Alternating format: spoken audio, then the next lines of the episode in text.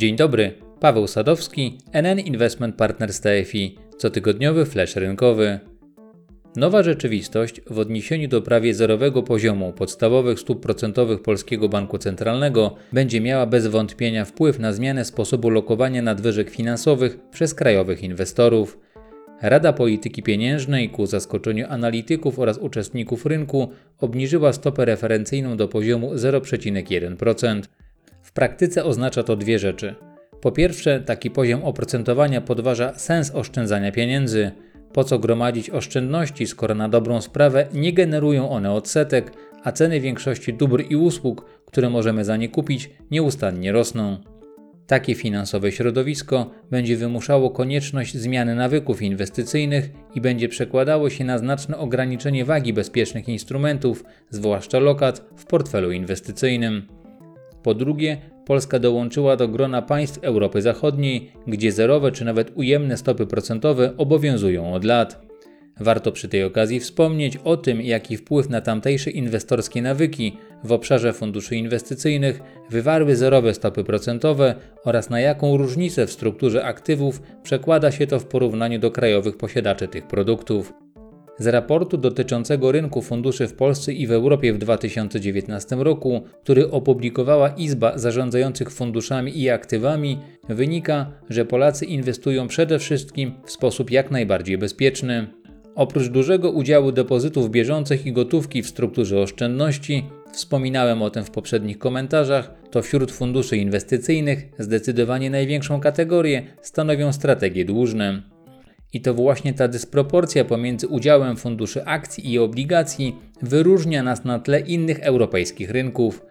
Cytując fragment wspomnianego opracowania, to w Polsce tylko co piąta złotówka jest ulokowana w strategiach akcyjnych, podczas gdy w Europie jest to średnio prawie 40%, a w krajach takich jak Niemcy czy Wielka Brytania ponad połowa aktywów to właśnie fundusze akcji.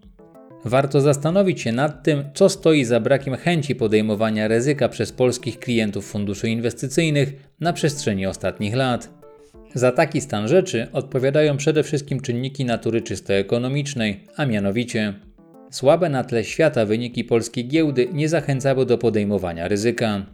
Dodatkowo stosunkowo niska świadomość finansowa Polaków w połączeniu z bolesnymi doświadczeniami inwestorów którzy lokowali pieniądze w funduszach akcji polskich na szczycie hossy sprzed ponad 10 lat i ponieśli znaczne straty, gdy nadszedł kryzys, skutecznie odstraszały od krajowego rynku kapitałowego.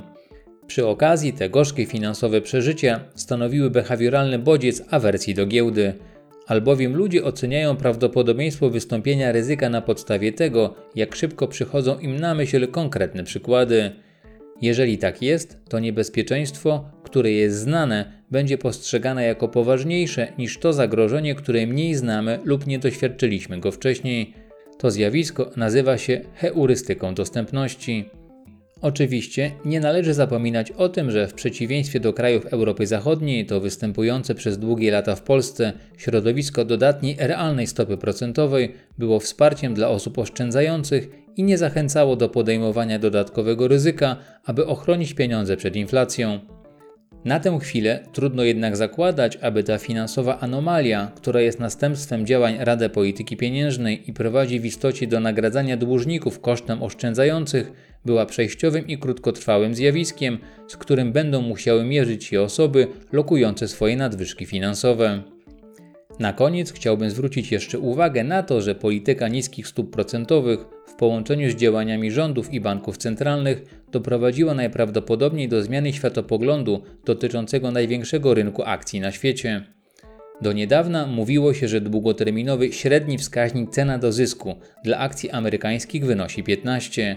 Okazje pojawiały się, gdy spadał on poniżej poziomu 10, a światełko ostrzegające przed przewartościowanymi aktywami włączało się przy poziomie 25.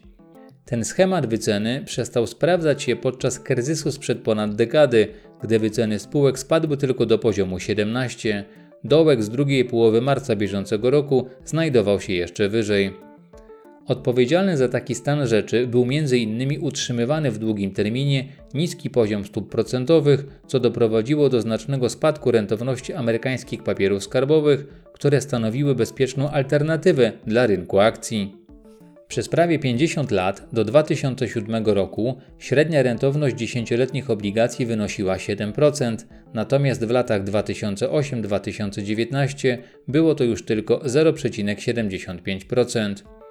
Dodatkowo rynki kapitałowe zdążyły przyzwyczaić się do tego, że podczas kryzysu programy pomocowe ze strony polityków oraz przedstawicieli instytucji odpowiedzialnych za politykę monetarną są aplikowane w bardziej zdecydowany sposób i dużo szybciej niż kiedyś.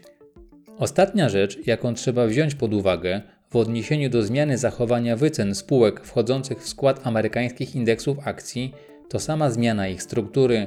Coraz większą rolę zaczynają odgrywać spółki działające w szeroko pojętym obszarze nowych technologii, których biznesy oraz zyski ze względu na wyższą marżowość produktów oraz usług rosną zdecydowanie szybciej niż spółek działających w oparciu o stare sposoby prowadzenia działalności gospodarczej. Znajduje to oczywiście odzwierciedlenie w ponadprzeciętnych kursach ich notowań i skłania do następującej refleksji, że do wysokich wycen akcji w USA trzeba będzie chyba się przyzwyczaić.